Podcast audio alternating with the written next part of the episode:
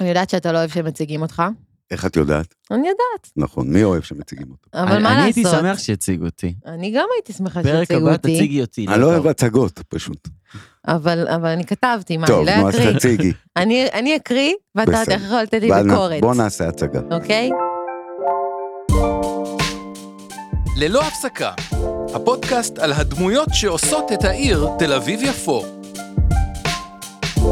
אז אה, שלום, אנחנו בפודקאסט ללא הפסקה, ששינה את פניו בתקופת המלחמה, בדיוק כמו שגוגל מפס התחיל לספר לנו איפה יש בומב שלטר בצורה מאוד מוגזמת. עכשיו אנחנו יודעים. אני חושבת, האם אי פעם נחפש מקלט דרך המפות של גוגל? לא, לא נראה לי. אין זמן כל כך. והיום אנחנו מארחים את האיש שאוהב להגיד אמת גם כשזה לא מתאים. הוא כותב ומלמד, ואבא, ובן זוג, וגבר, וקצת דוש גם, שמעז לדבר על אה, יחסים בחרנו את ומיניות. המילה ביחד.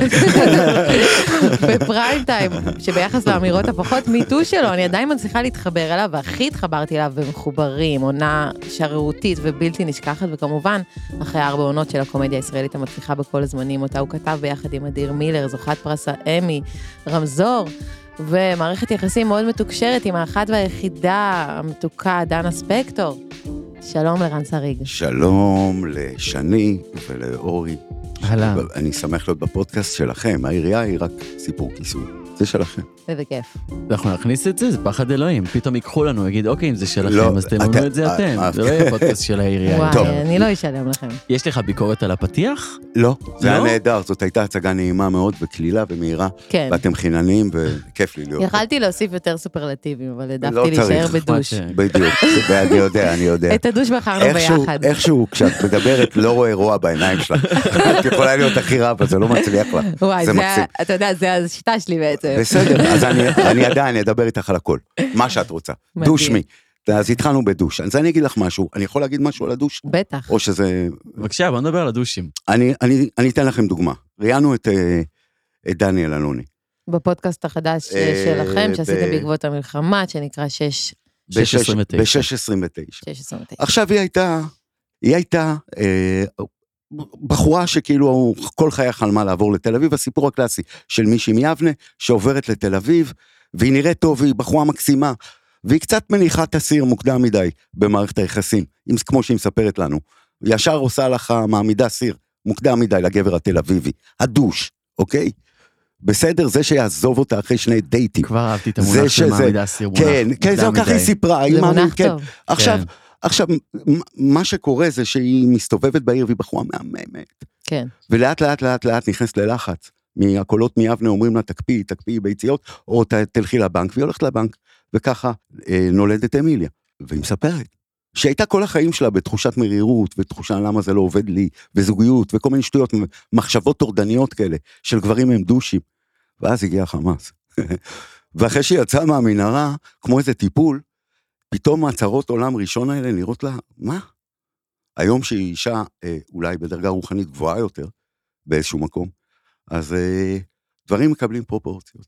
אלוהים ישמור. עכשיו, אה, אה, עוד מעט ננסה, אם כבר אה, אה, פתחת ואחת מהתארים שקיבלתי זה דוש, בוא ננסה לפרק את זה אחר כך, תנסי כאילו להראות לי, אפשר גם אה, לפרק where תארים have- אחרים שכתבתי. אבא, כן, אבל בן כאילו, זוג.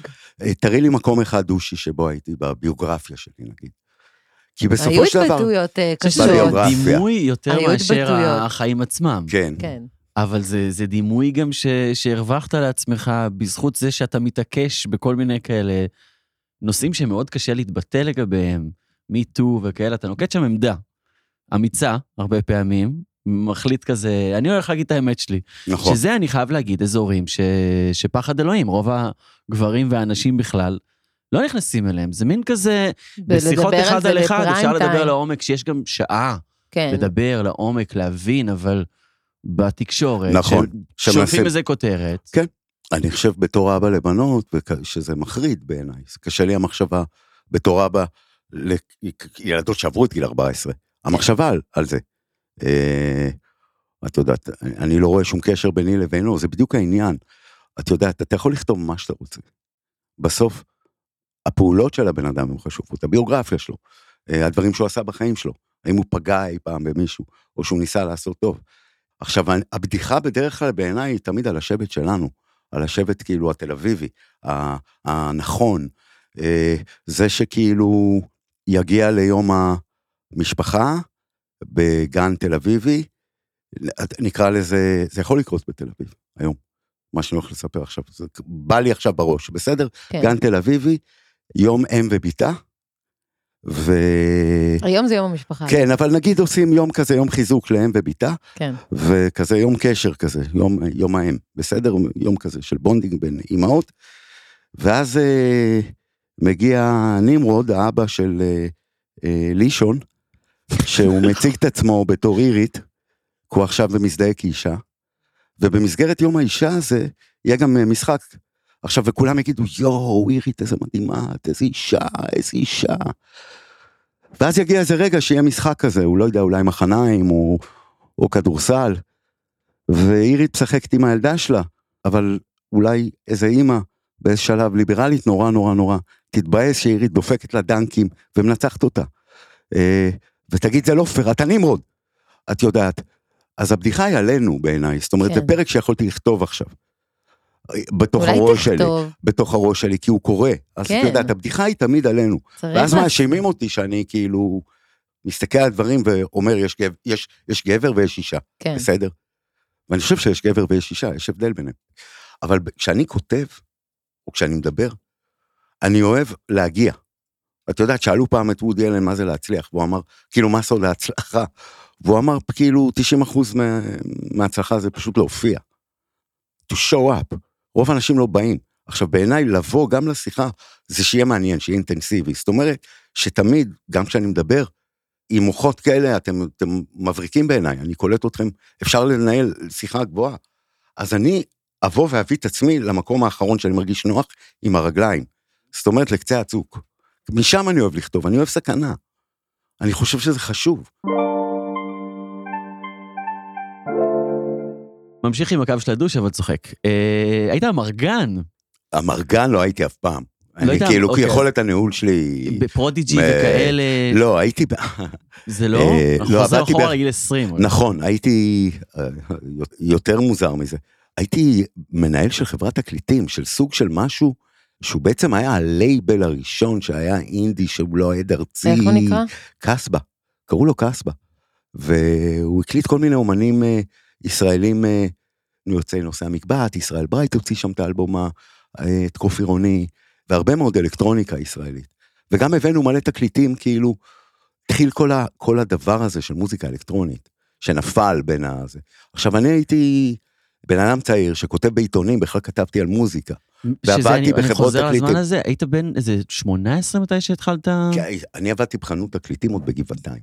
כן, רמזור קורית בגבעתיים. כן. כן. כי, כי אני גדלתי כל החיים שלי ליד תל אביב.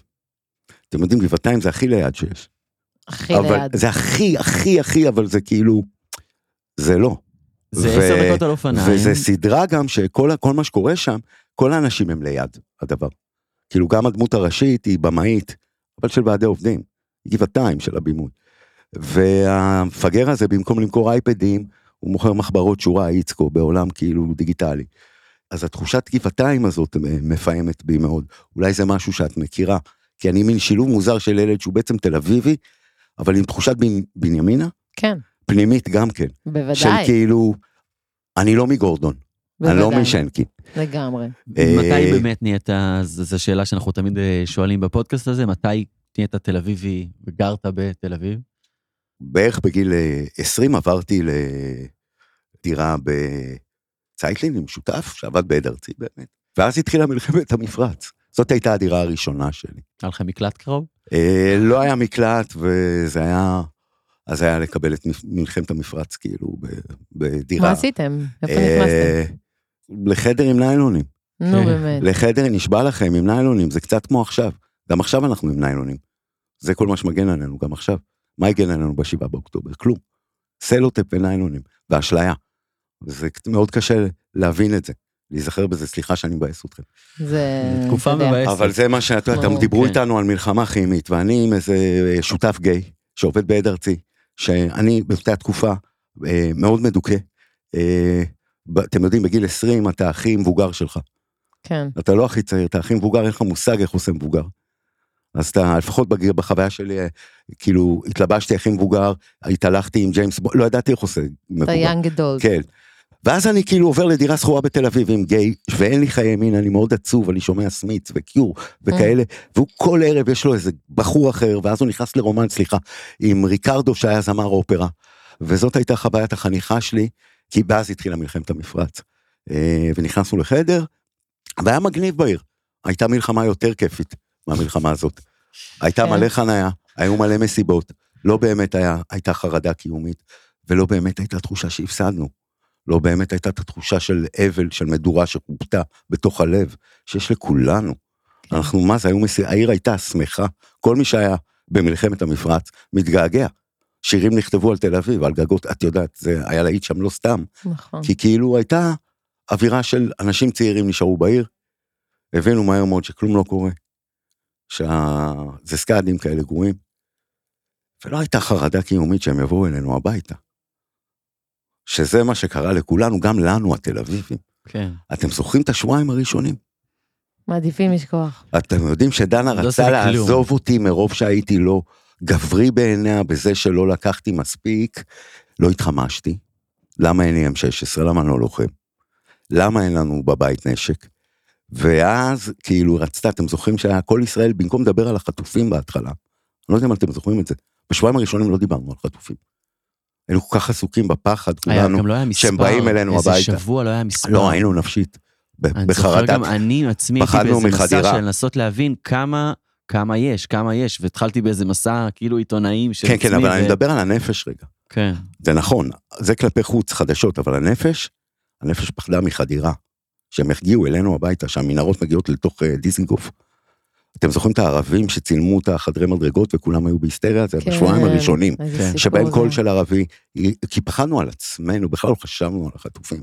אז בתקופה הזאת דנה אומרת לי, אתם זוכרים את המקל הזה של הממ"ד? כן, שכולם הזה, שמו שכולם בדלת. שמו, למה אתה לא קונה את זה? אוקיי. היית צריך ללכת לנגריה, לעמוד בתור, ושיכינו לך את הדבר הזה שכאילו נכנס לתוך הידית. אני חייב להגיד, הייתי בהרבה פחות פאניקה, אולי זה כי אין לי ילדות, אבל אה, לא, אני זה- למה? אבל הייתי בדיכאון, אבל יחסית כזה, מודחק. לא חשבתי שזה יגיע אליי הביתה. יחסית מודחק. לא. לא, לא חשבתי שזה יגיע אליי הביתה. באמת? כולם חשבו שזה יגיע אני אליו חושב הביתה. שזה אני- חדר ברס, חודר לך כן. לתוך החלומות, זה הגיע לך הביתה. זה הגיע לכל. מקום בבית. ברגע שזה נכנס לתוך המיטה הזוגית, וזה נכנס לכל מיטה זוגית של ישראלי, אוקיי. לכל זוג, זה בעצם החזיר אותנו אלפי שנים אחורה, והיינו בתוך המקום הקמאי המוזר הזה, של גבר ואישה, שבו הגבר צריך להיות כאילו, אה, הקוף, חז- איש הקוף של- המערות. איש חזק המערות שיגן עלייך פיזית. מאונס. המקום הבסיסי שחזרו אליו גברים ונשים, לאיזה שבועיים בתוך תל אביב, על ספות של איקאה. בתוך איזו אשליה שהתנפצה, זה היה מטורף. זה היה מטורף. אני רוצה שתעשה לי סדר. אז גיל 20 אתה בצייטלין, לפני זה אתה נמצא בשנקין, אתה גדל בגבעתיים, מסתכל על העיר שמעבר להרים.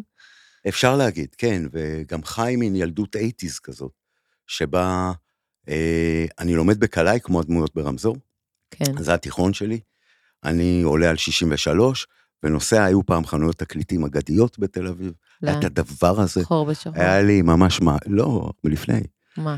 אה, היה ממש את הסיבוב הזה, אני כל כך עתיק, אני כאילו מש- משוכנע שבסוף ה... בסוף הפודקאסט הזה אתם תעניקו לי תעודת גמלאי או יקיר העיר או משהו, כן, מי ש- ש- מי שזה בעצם בפוד- התירוץ, היינו הולכים לאלגרו בשנקין, סיכוי טוב שיהיה רחוב על שמו, כן? עוד לפני שנפתחה האוזן, אוקיי. ואחר אלגרו. כך אלגרו בשנקין, בצד ימין. הייתה חנות תקליטים הכי גדולה שיש, אחר כך תיפתח אה, קצת ליד קפה כזה אה, האוזן, אה, האוזן השלישית במקום הראשון שלה? במעון הראשון שלה בשנקין.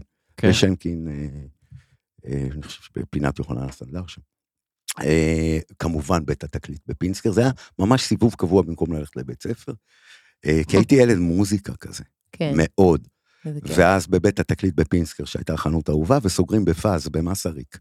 בכיכר מסריק נמצאים מנחם ויגאל, וכאילו זה דור אחר. איזה. יגאל? המוכר, יגאל, על זיכרונו לברכה, זכרו כן. לברכה. אה, הוא היה, הוא היה גם המרגן של דור אלכס אדלקס, כל מיני להקות שהסתובבו פה באייטיז. היה כיף פה באייטיז. וואי. ואז היה לוקח, מאוד כיף פה בית. לוקח קו 63 חזרה לגבעתיים. חוזר בחזרה לעיר המנומנמת, אה, במקום להיות בתיכון. ההורים שלי מתגרשים, ואני מחליט לא להיות בבית כבר הרבה לפני כן, סיפרתי לך, אני מגיל 15 כבר גר ברמת אביב אצל אחותי, ומתחיל להתנדנד. ואז אני עוזב כאילו לשנקין עוד פעם ליד, אבל שנקין בגבעתיים, גר שם, צבא לא משמעותי, תל אביב, צייטלין, כאילו, ועובד בחנות תקליטים, בגיל 17 מתחיל לעבוד בחנות תקליטים. ומתחיל להבין שאני אוהב את זה. ושכאילו יש לי אוזן טובה, ובעיקר שאני כותב על זה. אני מתחיל עם פעם ראשונה לכתוב. קורה לי משהו מוזר. ואני מתחיל לשלוח מכתבים לטורדנים, לאימא שלי אולי יש אותם. כבר בגיל 16, לידיעות אחרונות עם ביקורות על תקליטים, וכל מיני ביקורות מוזיקה. איך- איך- ומי רגע, חשב, שנייה, מה מה מי זה אומר חשבתי שאתה לעצמי? שולח מכתבים? מכתבים, מכתבים? בכתב יד, כן. עבור איציק יושע. שהיו כותבים לעיתון. כן. כאילו. שבעה לילות. ועכשיו אולי יש לאמא שלי את אלה אצלה. כמה שהם החזירו. והם לא, אף אחד לא, לא רצה, וניסיתי לכתוב את העולם, אתה יודע. אה, ואז פגשתי אה, את אוהד פישוף, ואת איש הידר, ואת חבורת נושאי המקבעת. בהם אה, עבדו בכל העיר, ודיברנו מאוד דומה, כאילו, על מוזיקה ועל עולם. ואז פעם ראשונה שהתחלתי לפרסם אה, קבוע, ולכתוב, ופתאום התחיל לקרות לי, לקרוא, קרה לי משהו אחר. התחלתי לכתוב, וגיליתי שיש אה, כתיבה על, על, על דברים אחרים שאנשים יוצרים בעולם, שהיא כאילו תגובה, ביקורת. ויש כתיבה אחרת. התחלתי לגלות עולם, והתחלתי למצוא פעם ראשונה אולי את הזהות שלי בכלל שלא קשורה למוזיקה. את האופן שבו אני יכול לנסח את עצמי לעצמי. כי כשאני עברתי אחר כך מהעיר, לעיר, ואחר כך לארץ. ובארץ למשל, אסור היה לכתוב בגוף ראשון אף פעם. רק לאורי קליין. היה, כאילו, הוא היה היחיד שהיה מותר לו לספר על האני שלו. כן. עכשיו אני, כמו שאתם שומעים, אומר את המילה אני. אולי פחות מרוב הדור של היום, שזו המילה הכי שמשתמשים בה, אבל אני כן רציתי להבין, לכתוב על עצמי, ולא נתנו לי. ואז התחלתי לכתוב. כי זה אה, מוזר שלא נתנו לך, כי זה... כי לא כאילו- נותנים, לא, כשאתה כותב תרבות, כאילו, כותב היום על דברים. היום זה הכי בן מעניין. שלו בסדר. בארץ, מאוד עני, מאוד כותב את יכול להיות עצמו שם. שדברים השתנו, אני מאז, אני כאילו גם השתעממתי מזה באיזשהו שלב. כן. והתחלתי ל- להבין שאני רוצה לספר סיפורים, שזה יותר מעניין אותי.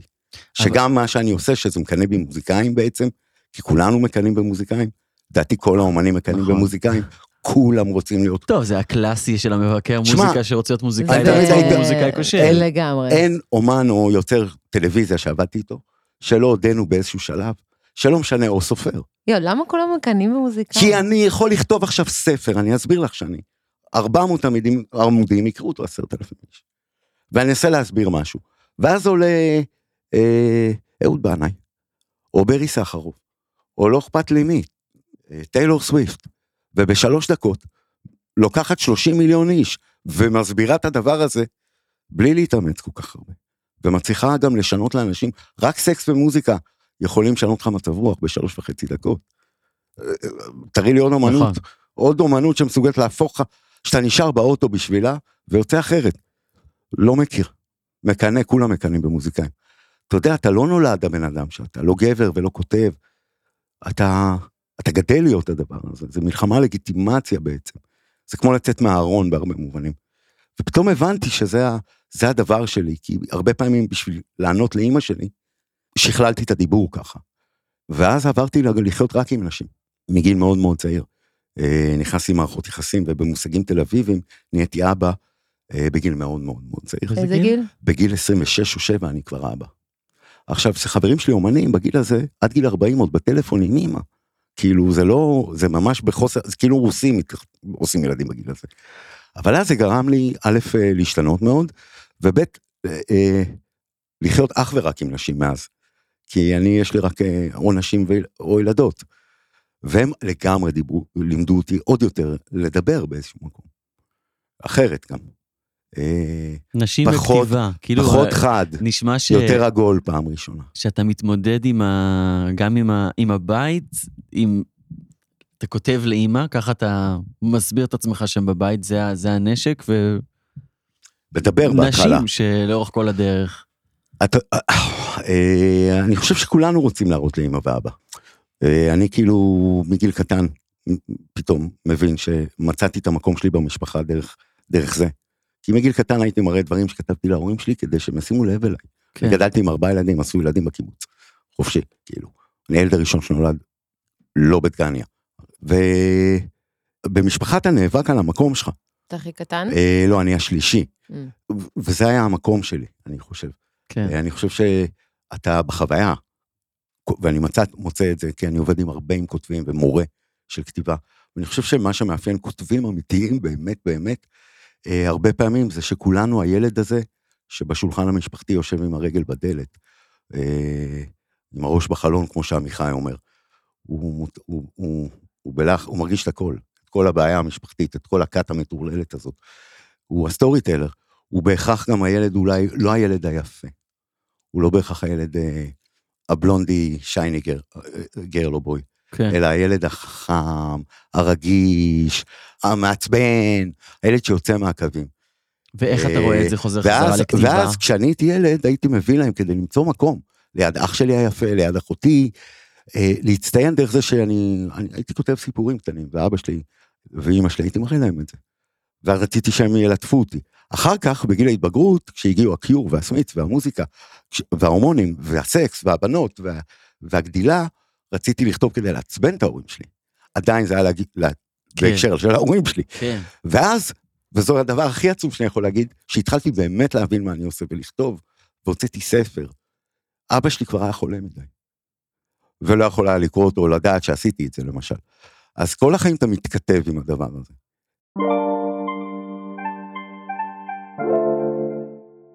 אתה במערכות יחסים, אה, לא כל כך חווית את זה בעצמך, וזה נמצא ליד.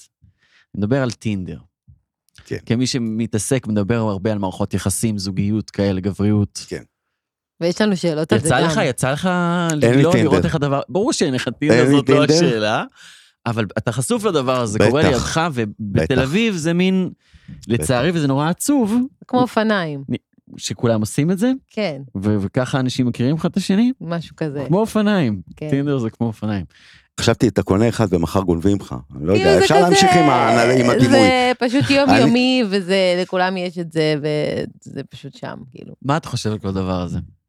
אה, אפשר לדבר על זה מלא. אז אפשר לדבר אה, גם קצת. תראה, קודם כל, אה, אני בכלל ככותב וכמורה לכתיבה, אני נזכר דבר ראשון שאנשים עושים slide על אנשים, על בני אדם, מחליטים אם הם רוצים או לא, כן. תוך כמה זמן אתם חושבים? שנייה וחצי? עכשיו אתה כותב מתחיל בתחילת דרכך, ואתה רוצה לתפוס אותי, מה הסיכוי שתיקח אותי? אנשים עושים slide על טקסטים, על סדרות, על כל דבר, הם מחליטים מאוד מאוד מאוד מאוד מהר. עכשיו זה אכזרי, כי בחוויה שלי, אתה מתמכר לזה. נכון, אתה אתה סוג של אלוהים. התנועת סלקציה, האייכמנית הקטנה הזאת, כן. אה, היא ממכרת. ואני אני חושד שהיא יותר ממכרת לגברים באיזושהי דרך. ואני חושד, גברים עושים מלא כן. אה, מה? הם עושים מלא כן. אפליקציה אחרת ואז מה שיוצא. להם, אז הם- אז כן, כאילו... את, את יודעת, גם, זה גם קשה לי, it's different for boys. זה עדיין עולם קשה, אני שומע מבנים שהם צריכים לתת בוסט לאפליקציה ולשלם. אתם יודעים, ולגברים מאוד שווים בעיר. כן. אני לא יודע אם אתם יודעים את זה. אני יודע שאתה- את זה- יודע שאתה- את זה ממקור אישי. אתה, אתה, לא מה שנקרא, מכירה. אתה משלם? כן, בטח שאני הנה הוא משלם. משלם. אם אני לא הייתי משלם. משלם, האפליקציה לא עובדת. את קולטת? זה? אפליקציה אחרת לגברים ונשים. כמה עולה? את מבינה? אז יש כמה חבילות, אבל- הם צודקים. אתה יודע למה? אני חייב, זה כי נותן לי אני יותר בתור בוסט, אבא יותר רואים אותי. לבנות, זה אני מטריד אותי. הוצאת כסף הכי טובה שאני יכול להוציא. אני חושב שאתה ברגע, זה בשבילך, כן? ברור. כי זה חוג הסקס שלך. יואו, לשלם. היכרויות. זה- מה? היכרויות. אני יודע שאת מהצד מסתכל על זה, מה, משלמים על לשלם על על זוגיות. טינדר. אבל זה אפליקציה אחרת, נשמה. בנים. בסדר, אני בזוגיות עכשיו, אתה יודע מה היה? בנים, נו, מה היה? סיוט של החיים. מה? אה, ספרי לי, הנה, חיפושים, אה, מה זה דושים, חיפושים? הנה הדושים. טינדר. אז אני, אה, שקראת לי דוש, לא הייתי כל מעולם. האפליקציות היו לי. אה, לא הייתי מ- במבל, אני יודעת, אלוהים ישמור. במבל זה לבנות, כאילו, בנות פרנדלי יותר. כן, כאילו את- שטויות. כאילו- יותר זוגיות אוריינטציה כזה. והאם זה באמת סתם יותר טמטום. זוגיות? לא. לא. אז למה רגע, בוא, נ- בוא רגע נבין את זה. את ההבדל בין החוויה שלכם. תראו מה קורה.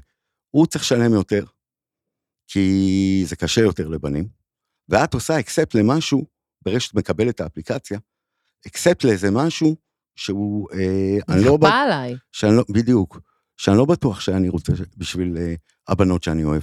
שבעצם זה כמו להתמכר לפורנו. אה, באיזשהו מקום, אתה, או זה להתמכר בעצם ל, ל, ל, זה על להזמנה. הספקטרום. זה על. הוולט, על הוולט של מערכות היחסים, ואת בכלל מחפשת בית, ולהפיק בדידות, בביטחון. וחבר, וביטחון, והוא, והוא לא. זאת אומרת, כל האקספט של האישור פה, ברור שהוא צריך לשלם על זה כסף, כן. אבל עדיין, כמה זה פוגע לו בגבריות גם. זאת אומרת, הוא אני חתיכת לא אוהב את אבק, זה שאני שם. אישה הרבה יותר לוהטת שם. אישה עם מצרך הרבה יותר שווה שם, למה? אז, אז כאילו אני, אני לא בטוח למה? ש... כי יש יותר נשים אה, לוהטות מגברים, בעיניי. קודם כל נכון. קודם כל, קודם כל מה נכון. נעשה? אבל גם בגלל שגברים הם, אה, הם הדבר הזה ש, שאת מוזמנת אליו, כמו פיצה. רצית, רצית, אה, אני לא חושב שזה אופניים, אני חושב שזה יותר כמו פיצה, או כמו איזה וולט, או כן. כמו איזה גט טקסי. כל דבר שהוא נהיה מהאפליקציות האלה. וככה גם אתה מתחיל לראות אנשים כמו אפליקציות. כאילו, מצטער שאני חושב שהשימוש באפליקציה הופך את הכל לאפליקציה. אה, שימוש. זה בעצם אתה עושה בוודאי, שימוש ברור. באנשים במקום ברור, החוויה האנושית היפה של ברור. מפגש. ברור.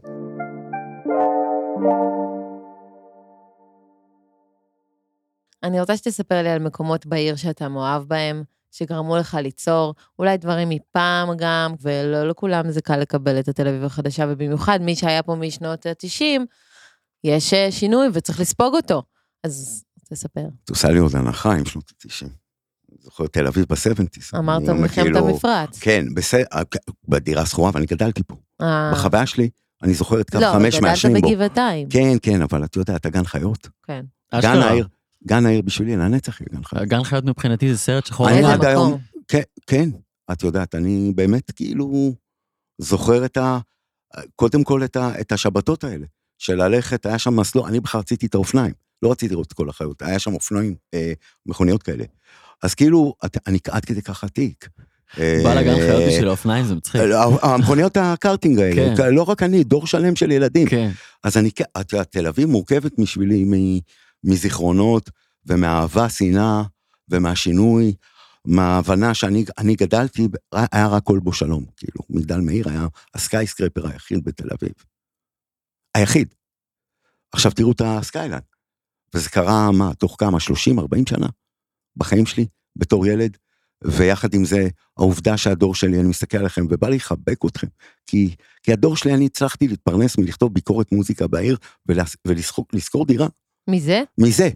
מלכתוב כמה חמש ביקורות היית כותב? ארבע ביקורות בשב... בחודש. מה? לא כן, או, או עמוד, מה שצריך. זה כלום. את יודעת, לי פרינט, מעט מאוד היינו צריכים בשביל לגור בתל אביב.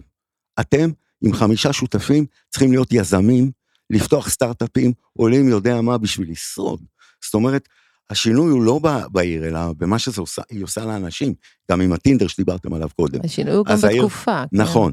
אז אה, אני לא יודע, תל אביב היא בשבילי, היא כל מה שאני מכיר. אני לא באמת ראיתי בשום עיר אחרת.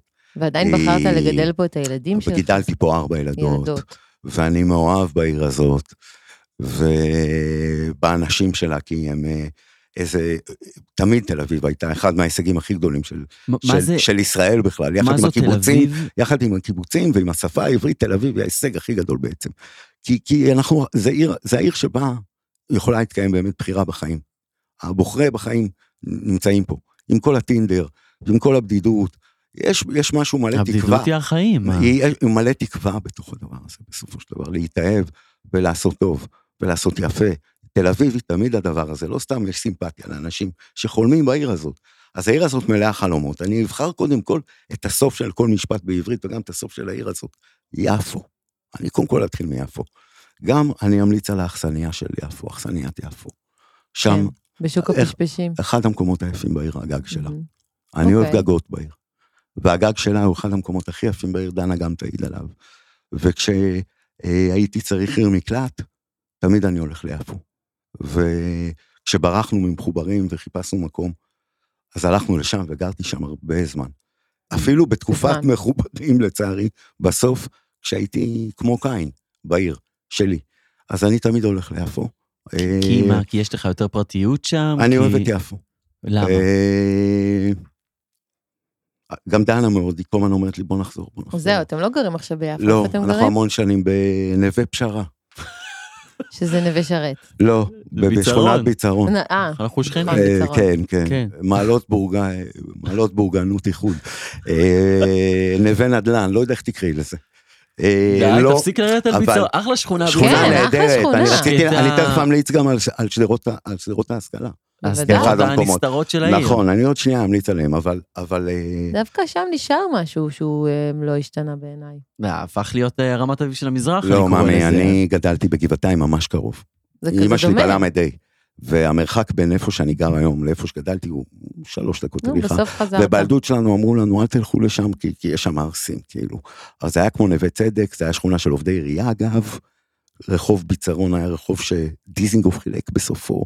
לעובדים, תבדקו אותי, תראו. שזה נכון. וזה היה עובדי עירייה, עובדי זבל וכאלה וזה, וזו שכונה כאילו של אנשים קשי יום, וכמו נווה צדק, חטפה ג'נטריפיקציה, תעשו גוגל ג'נטריפיקציה, תראו שביצרון מופיע, ונווה צדק. כן. כי זו שכונה שהפכה להיות, אה, את יודעת, כל בית פרטי אה, שפעם היה נראה לך... אה, שזה קטע, אגב, כי הוא היום שווה מיליונים. דווקא פלורנטין מ- מפורסמת בג'נטריפיקציה. שלה, אבל הג'נטריפיקציה עוד לא הושלמה בפלורנטין. עדיין אפשר לגור שם הקפיצת- וטיפה יותר זול שם. אני מדבר כסף. ביצרון, נווה צדק, אי אפשר לגור שם פלורנטין מבחינה מ- זה כספית. מטורף. הקפיצה, ברור. שם. מאוד יקר. ברור.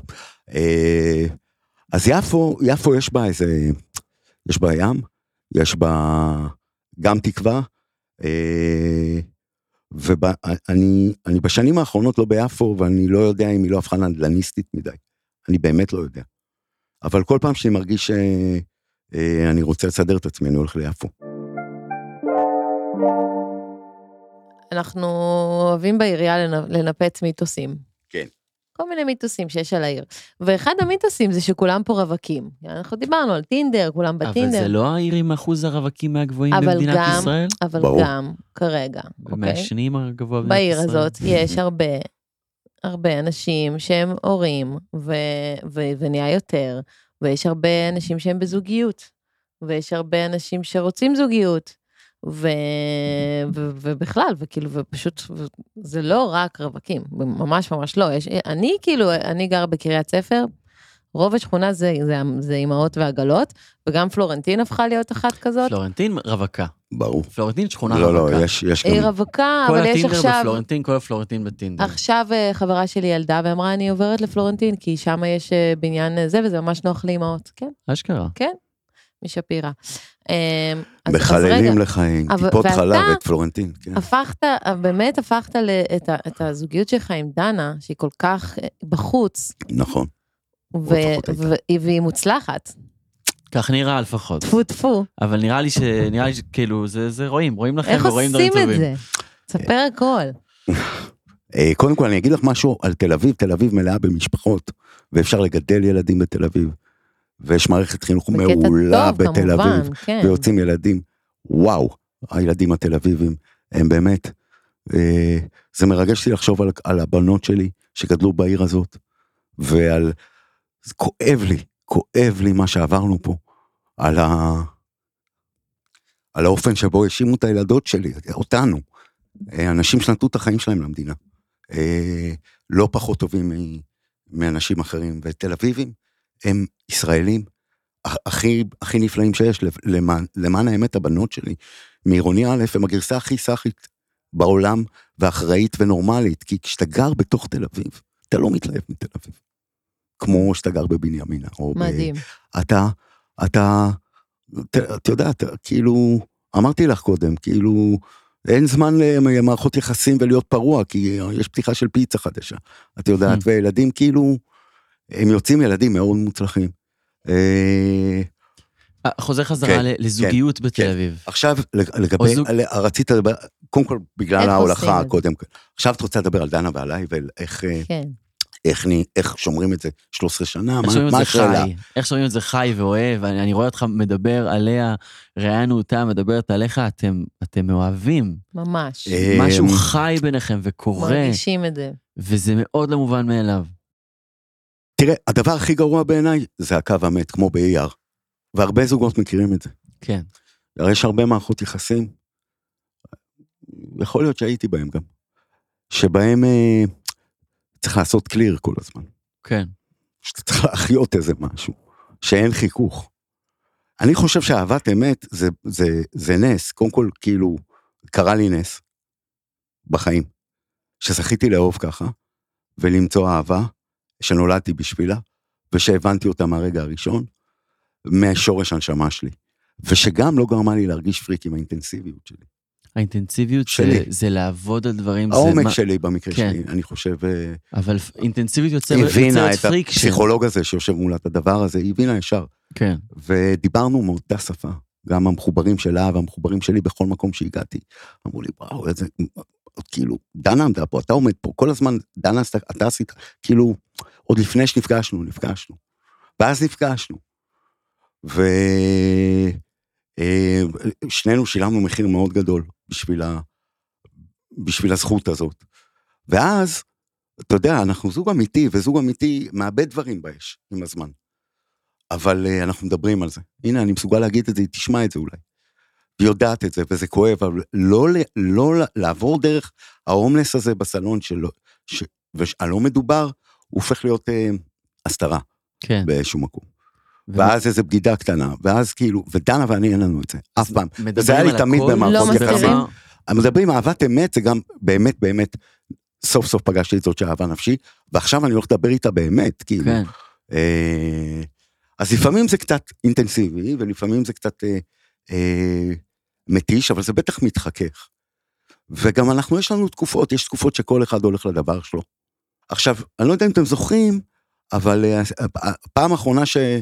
אה, אה, שחזרנו לעשות קצת דברים ביחד ולהתחכך שוב הייתה ב-MKR. שעשינו MKR ביחד, דנה ואני. וזה נות... אמרנו כן, כי אחרי מלא מלא זמן שבו, כמו זוג ארוך טווח. זוגיות היא מין אה, ליכוד עדין כזה בין אה, שת, אינטנסיביות, להיות מחוברים אה, לאחד, סימביוזה, לבין אה, כל, כל, חופש. ולקחנו, היה תקופה שלקחנו את החופש אולי קצת יותר מדי רחוק. אז אתה, לא- אתה גם, אה, זוגיות היא כמו תינוק נוסף, שאתה צריך לטפל בו. ואז אמרנו לעצמנו, וואלה, אנחנו, בוא ניקח את MPR, בוא נעשה את זה. אז אנחנו גם דואגים להביא לנו הרפתקאות. זהו, כן. עושים דואגים- חוויות משותפות. חובה. אנחנו כל הזמן חייבים שיהיה לנו איזה אופק, כן. זוגי. כל הזמן, משהו לחכות לו. וריפוי, ריפוי יש שם גם? ריפוי והחלמה? בעולם. דנה? דנה הריפוי שלי. דנה גרמה לי אה, להאמין. בטח. אה, אני בוכה עכשיו. להאשמה, אני- להאשמה, כן. זה יפה. אתה בר מזל מהבחינה הזאת. אני חושב שבמיטבנו אנחנו, כל, כל זוג אוהב, אה, אהבה היא הזדמנות, גם סקס, דיברתי על טינדר. אה, קשה, למה כל כך קשה בסטוצים? היה, עשיתי סטוצים בעיר, את יודעת, הייתי פה. היה סקס בעיר לפני טינדר. אה, קשה, סקס הוא כאילו הזדמנות נדירה למישהו לראות את, ה, את האור הלבנבן שלך, את, ה, את החולשות שלך, את, ה, את הכיעור שלך, ולנשק אותם. זה כאילו, זה סקס מושלם. זאת אהבה, זה כאילו הדבר הזה. כמה זה קשה לקבל את זה בסטוץ. כמה זה קשה לא לקבל את זה בזוגיות. כמה זה קשה לקבל את זה בזוגיות. כן. כמה נדיר שיש לך את זה. זה, עכשיו, אני חושב שבמיטבנו, דנה ואני ו, ועוד מלא זוגות מאוד טובים, תשמעו, יש מלא זוגות טובים. ההורים של דנה ביחד 80, 70 שנה. במיטבם הזוגות הטובים יודעים לתקן את הילדות הפגועה של, של, של אחד של השני באיזושהי דרך. לתת אה, מחילה לאיזה פצע שכל אחד סוחב מהילדות שלנו. ואני באמת, יש לי בעיית אמון גדולה. אני, אה, כבר כמו ששמתם לב, אני העמוק ברמזור, השחור. ואני כאילו, אולי יש לי איזה מין תודעת כאילו ספקנות. ומשהו בספקנות של דנה, כי גם דנה בן אדם ספקן, גורם, מתחבר בצורה כל כך הרמונית, לגרום לי להאמין באהבה, באלוהים, בבני אדם. טוב, אנחנו תמיד אה, שואלים פה לגבי מה היה קורה אם אתה היית ראש העיר. נגיד, מהמם, ציבור רחב של אנשים, שמע את כן. הפרק הזה, כן. והחליט למנות אותך לראש העיר, אומר, "זה- הוא יעשה עבודה הכי טובה.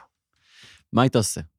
הבעיה היחידה שלי עם העירייה, באמת, במובן העמוק, כי כן אני צריך את העירייה מדי פעם. כן, אתה אבא, אני אבא לארבע ילדות בעיר. שלוש שלי, אחת של... כולם גדלו בוודאי אה, שצריך. במוסדות החינוך הנהדרים של העירייה הזאת, ומחלקת החינוך, את יודעת, מרגש אותי רק לח- לחשוב על הנשים המדהימות שיושבות שם.